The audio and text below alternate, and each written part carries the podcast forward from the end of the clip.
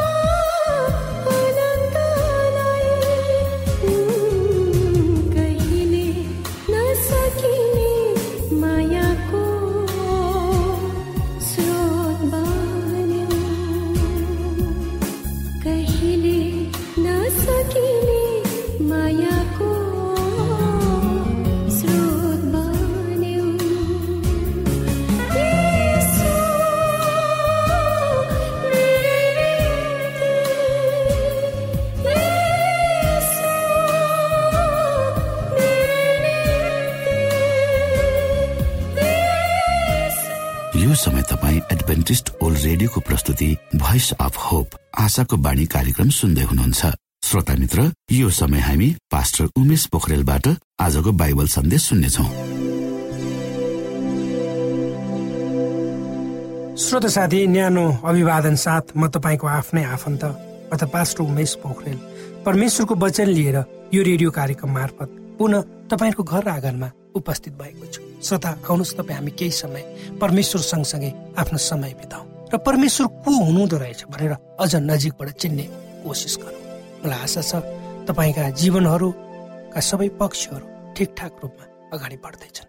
यदि तपाईँका कुनै समस्याहरू छन् कुनै जिज्ञासाहरू छन् कुनै कुरा तपाईँ हामीसँग बाँड्नु चाहनुहुन्छ भने कृपया हाम्रो पत्र व्यवहारको ठेगानामा हामीलाई लेखेर पठाइदिनु भयो भने हामी तपाईँप्रति धन्यवादी हुने थियौँ। आउनुहोस् आजको प्रस्तुतिलाई पस गर्नुभन्दा पहिले हामी परमेश्वरमा अगुवाईको लागि बिन्ती राख्नेछौँ।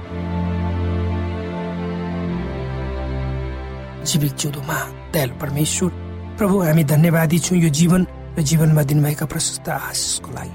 यो रेडियो कार्यक्रमलाई प्रभु म तपाईँको हातमा राख्नेछु यसलाई तपाईँको राज्य र महिमाको प्रचारको खातिर यो देश सारा संसारमा तपाईँले पुर्याउनुहोस्। सबै बिन्ती प्रभु यीशुको नाममा। आमेन।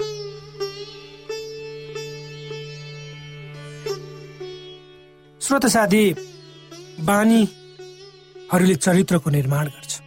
यस्ता बानीहरू सुरुमा साधारण जस्तो लाग्छन्।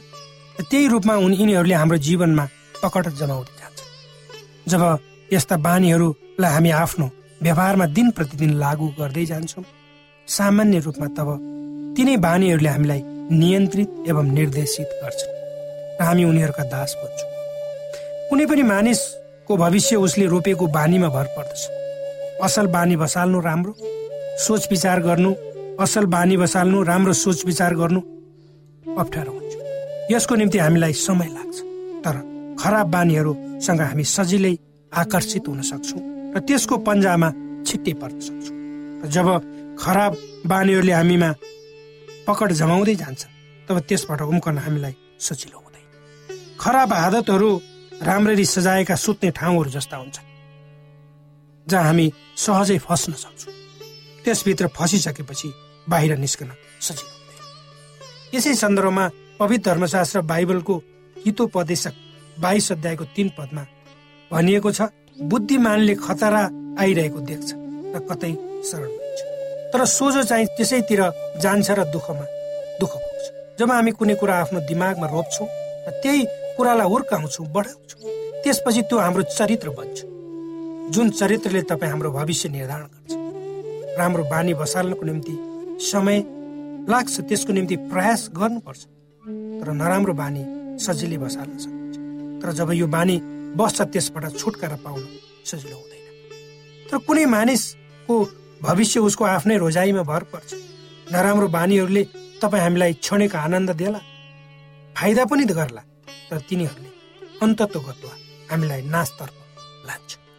तर असल बानी व्यवहारले हाम्रो जीवनलाई सकारात्मक बाटोतिर अगाडि बढाउँछ। श्रोत साथी हामी एउटा परिवेश र परिस्थितिमा आफ्नै किसिमले हुर्किएका हुन्छौँ। हाम्रा बानी व्यवहारहरू पनि तिनै परिवेश र परिस्थितिको प्रभावद्वारा विकसित हुँदै जान्छ। चाहे ती राम्रा वा नराम्रा किन नहुन् जीवनलाई हामी कसरी लिन्छौँ त्यसले हाम्रो भविष्य निर्धारण गर्छ। हाम्रो बानी व्यवहारलाई स्थापित गर्दछ। हाम्रा जीवनका प्रत्येक पाइलाहरूमा सैतानले विभिन्न किसिमका बाधा अवरोधहरू ल्याउँछ। परीक्षामा पार्ने कोसिस गरि नै रहन्छ। तर यस्ता अवस्था र परिस्थितिहरूसँग हामी चनाखो हुनुपर्छ। र परमेश्वरको ज्ञानको अगुवाई खोज्नुपर्छ ताकि सबै नराम्रा कुराहरूबाट हामी सुरक्षित बच्न सकौँ। जब हामी परमेश्वरमा पूर्ण रूपमा भर परेर आफ्नो जीवन अगाडि बढाउँछौँ तब हाम्रो अगाडि आउने सबै किसिमका चुनौतीहरूको सामना गर्ने बाटाहरू उहाँले जुटाइदिनुहुन्छ। जीवनमा आउने सबै किसिमका आधी तुफानहरूबाट जोगिनको निम्ति हामीले आफ्नो जीवनलाई यसुमा राख्नुपर्छ त्यसको निम्ति परमेश्वरका सत्यहरूलाई प्रत्येक दिन सुनेर त्यसैमा गम गरेर त्यसै अनुसार चलेर हामी आफ्नो जीवनलाई सही बाटोमा डोर्याउन सक्छौँ। तर मूर्ख मानिसले परमेश्वरको सल्लाह मान्दैन। यसै सन्दर्भमा हितोपदेशक बाइस अध्यायको आठ र नौ पदहरूमा यसरी लेखिएको छ दुष्टता रोप्नेले सङ्कटको कट्ने गर्छ त्यसको झोकको लौरो नष्ट हुन्छ। भनी भनिएको छ। तर उधार मानिसले आफै पनि आशिष पाउनेछ किनभने त्यसले आफ्नो भोजन गरिबलाई बाँड्छ जो मानिस परमेश्वरको सल्लाहमा हिँड्दैन त्यसले अनन्तको नाशमा आफूलाई धकेली लान्छ। हामीहरूले धेरै घटना र परिस्थितिहरूको सामना दिनदिनै गरिरहेका हुन्छौँ। मानव जवानहरू जसले धुम्रपान मद्यपान र तास जुवा जस्ता नराम्रा बानीहरूमा आफ्ना साथीहरूको प्रभाव र दबावमा परेर सुरु गर्छ। पर्छ। त्यस्ता बानीहरू मोज मजा गर्नेको रूपमा सुरुमा लिइन्छ। ख्याल खाले जस्तो यस्तो लाग्छ कि केही पनि होइन र तिनै बानीहरूले ती जवानहरूलाई पछि गएर आफ्नो कब्जामा लिन्छ उनीहरू उनीहरूको जीवनको एउटा अंश बन्नेछ। ती बिना उनीहरू चल्न सक्दैन। जब जब उनीहरू ती कुरालाई लिन्छन् र अपनाउँदै जान्छन् तब तिनीहरू त्यसबाट उम्कन सक्दैन। र त्यसको दास दिन प्रतिदिन हुँदै जान्छ।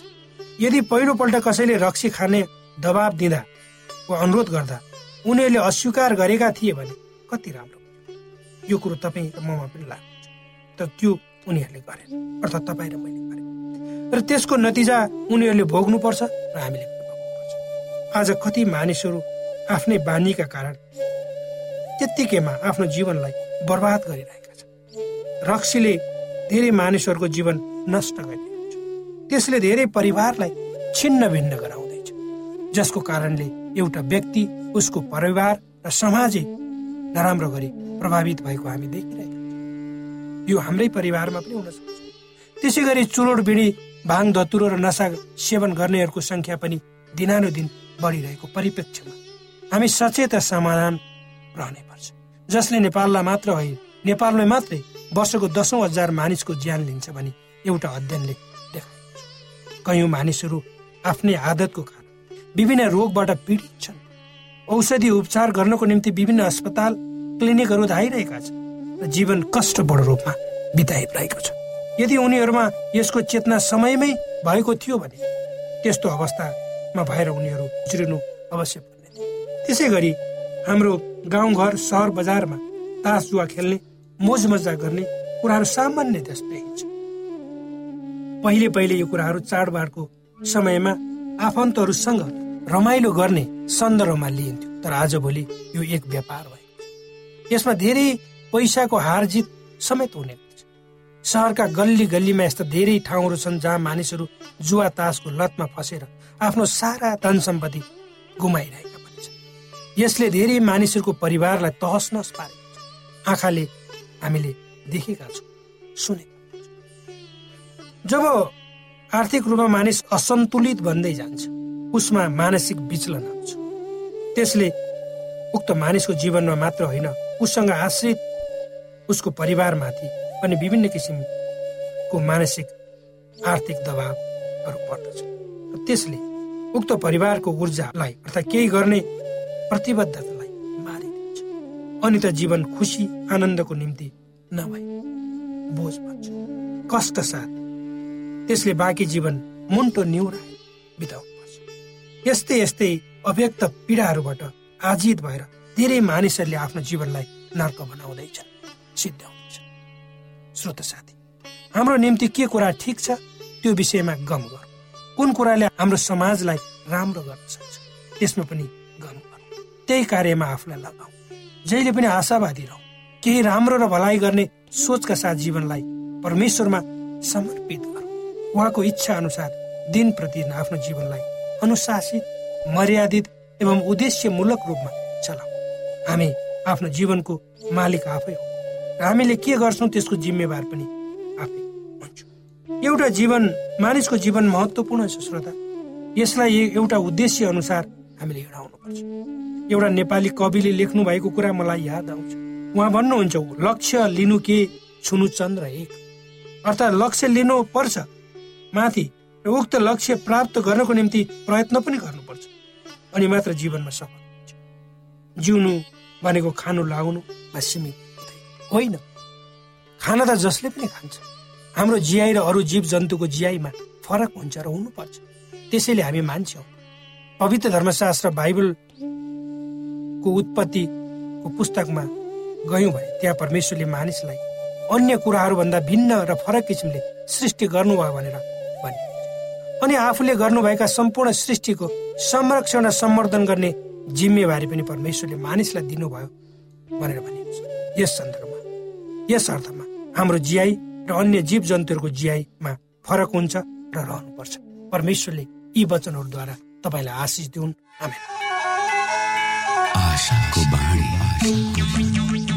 श्रोता भर्खरै यहाँले पास्टर उमेश पोखरेलबाट बाइबल वचन सुन्नुभयो। यो समय तपाईँ एडभेन्टिस्ट ओल्ड रेडियोको प्रस्तुति भोइस अफ होप आशाको बाणी कार्यक्रम सुन्दै हुनुहुन्छ। कार्यक्रम सुनेर बस्नुहुने सबै श्रोतालाई हामी हाम्रो कार्यक्रममा स्वागत गर्न चाहन्छौ। श्रोता मित्र यदि तपाईँ जीवनदेखि हरेस खानु भएको छ तपाईँका जीवनमा धेरै अनुत्तरित प्रश्नहरू छन् भने आउनुहोस् हामी तपाईँलाई परमेश्वरको ज्योतिमा डोहोर्याउन चाहन्छौँ। र तपाईँ आफ्नो जीवनका चिन्ता फिक्रीबाट निश्चिन्त हुनुहोस् र बाँच्नुको आनन्द परमेश्वरको सामिप्यमा कति मिठो हुन्छ त्यो चाख्नुहोस् भनी हामी चाहन्छौँ। श्रोता यदि तपाईँ आशाको बाणी कार्यक्रमलाई अनलाइन सुन्न चाहनुहुन्छ वा डाउनलोड गर्न चाहनुहुन्छ भने डब्लु डट एडब्लुआर डट ओआरजीमा जानुहोस्। त्यहाँ तपाईँले प्रत्येक दिनको कार्यक्रम सुन्न र डाउनलोड गर्न सक्नुहुनेछ। हाम्रो वेब पेज यस प्रकार छ W W W dot AWR dot ORG श्रोता यदि तपाईँ हामीसित सिधै फोनमा सम्पर्क गर्न चाहनुहुन्छ भने हाम्रा नम्बरहरू यस प्रकार छन्। अन्ठानब्बे एकसाठी पचपन्न शून्य एक सय बिस। अन्ठानब्बे एकसाठी पचपन्न शून्य एक सय बिस। र अर्को अन्ठानब्बे अठार त्रिपन्न पन्चानब्बे पचपन्न। अन्ठानब्बे अठार त्रिपन्न पन्चानब्बे पचपन्न। श्रोता साथी न्यानो अभिवादन म तपाईँहरूको बीचमा पुनः गवाईका सङ्गालोहरू लिएर उपस्थित भएको छु।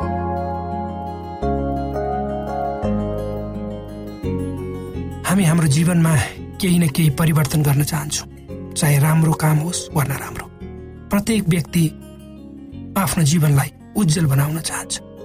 तर अफसोस सबैजनाको त्यो इच्छा पुरा हुँदैन। हरेक बिहानीको किरण मेरो लागि साँचो एक सुन्दर भविष्यको किरण जस्तो लाग्थ्यो। र म प्रत्येक बिहानलाई हौसलाका साथ स्वागत गर्थे। म पनि मेरो जीवनमा धेरै परिवर्तनहरू ल्याउन चाहन्थे।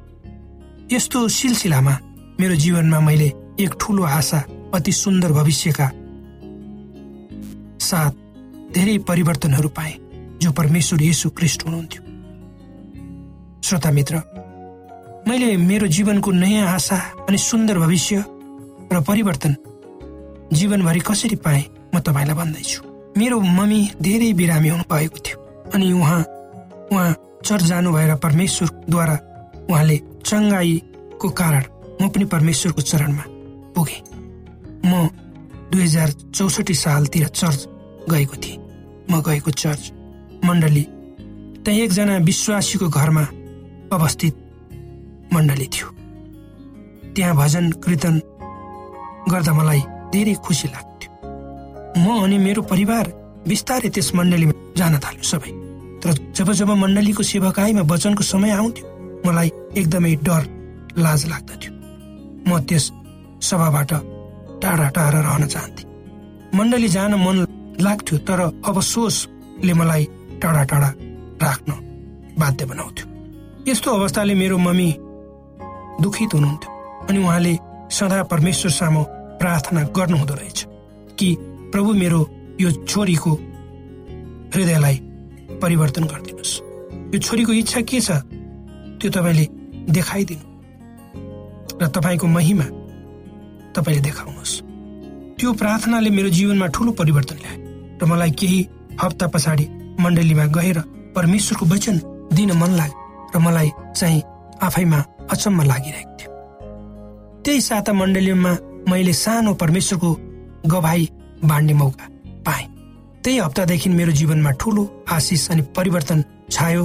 मलाई थाहा थिएन मेरो लागि मेरो मम्मीले गर्नुभएको प्रार्थना तर परमेश्वरले मेरो जीवनमा जुन आशिष वर्षाइरहनु भएको थियो जसले मलाई धेरै परिवर्तन गरायो। त्यसपछि म एउटा एउटा गरी बिस्तारै बिस्तारै परमेश्वरको वचनहरू पढ्न थालेँ। अनि परमेश्वरलाई धन्यवाद होस्। आज त्यस ठाउँमा अवस्थित रहेको मण्डलीको विश्वासीको माझमा मलाई उहाँले एक अगुवा नाम दिएर प्रचारकको रूपमा लिनुभयो। र सैतान धेरै चलाक छ अनि सत्य परमेश्वरका विषयमा गरेको मन पराईको सत्य परमेश्वरमा विश्वास गरेको कारणले मलाई सैतानले धेरै चोटि छल्न थाल्यो। तर म सैतानसँग होइन सदा परमेश्वरसँगै रहे। तर एक दिनको कुरो हो सायद मेरो जी विश्वासमा कमी भएर होला। सैतानले मलाई मण्डलीभित्र आक्रमण गरेर बिहोस बनाएछ र म धेरै सैतानिक कुराहरू बर बनाउन थालेछु। म होइन सैतान मेरो हृदयद्वारा बोल्यो र सबैलाई म खान्छु खान्छु भनेर म कराउँथे। र मण्डलीमा मेरो यस्तो हालत देखेपछि त्यस मण्डलीका विश्वासीहरू धेरै रोएछन् कि अब यस मण्डली कसले सम्हाल्ने भनेर।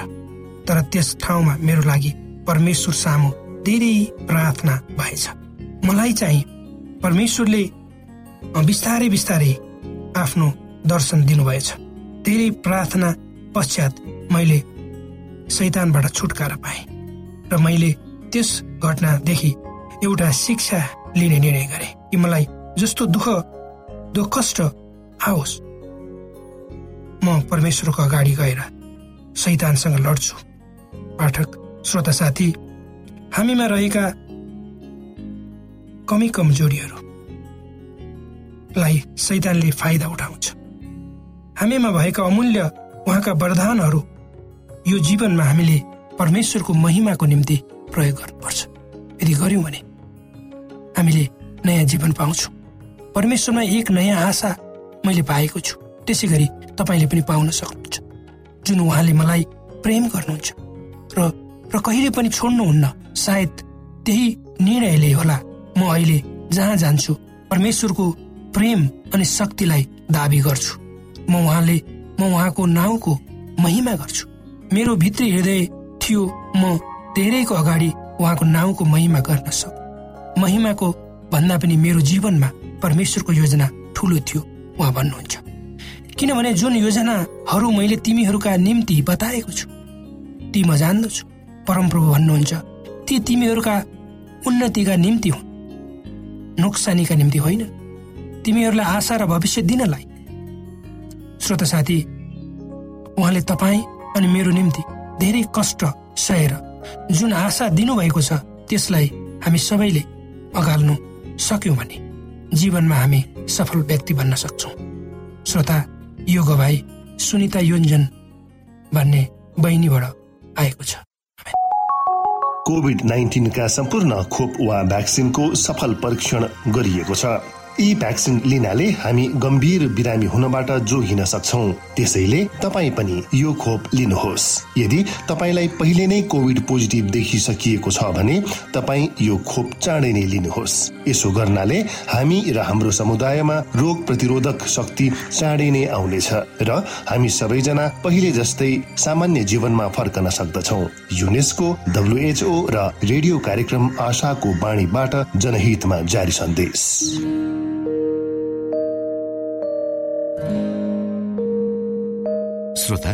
घडीको सुईले समय सकिन लागेको संकेत गरिसकेको छ।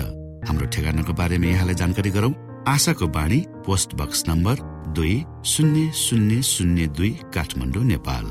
यसै गरी श्रोता यदि तपाईँ हामीसित सिधै फोनमा सम्पर्क गर्न चाहनुहुन्छ भने हाम्रा नम्बरहरू यस प्रकार छन्। अन्ठानब्बे एकसाठी पचपन्न शून्य एक सय बिस। अन्ठानब्बे एकसाठी पचपन्न शून्य एक सय बिस र अर्को अन्ठानब्बे अठार त्रिपन्न पन्चानब्बे पचपन्न। अन्ठानब्बे अठार त्रिपन्न पन्चानब्बे पचपन्न। हवस् त श्रोता हाम्रो कार्यक्रम सुनिदिनु भएकोमा एकचोटि फेरि यहाँलाई धन्यवाद दिँदै भोलि फेरि यही स्टेशन र यही समयमा भेट्ने बाजा गर्दै प्राविधिक साथी राजेश पास्टर उमेश पोखरेल र कार्यक्रम प्रस्तुता म रवि यहाँसँग विदा माग्दछौ। परमेश्वरले तपाईँलाई धेरै धेरै आशिष दिनु भएको होस्। नमस्कार।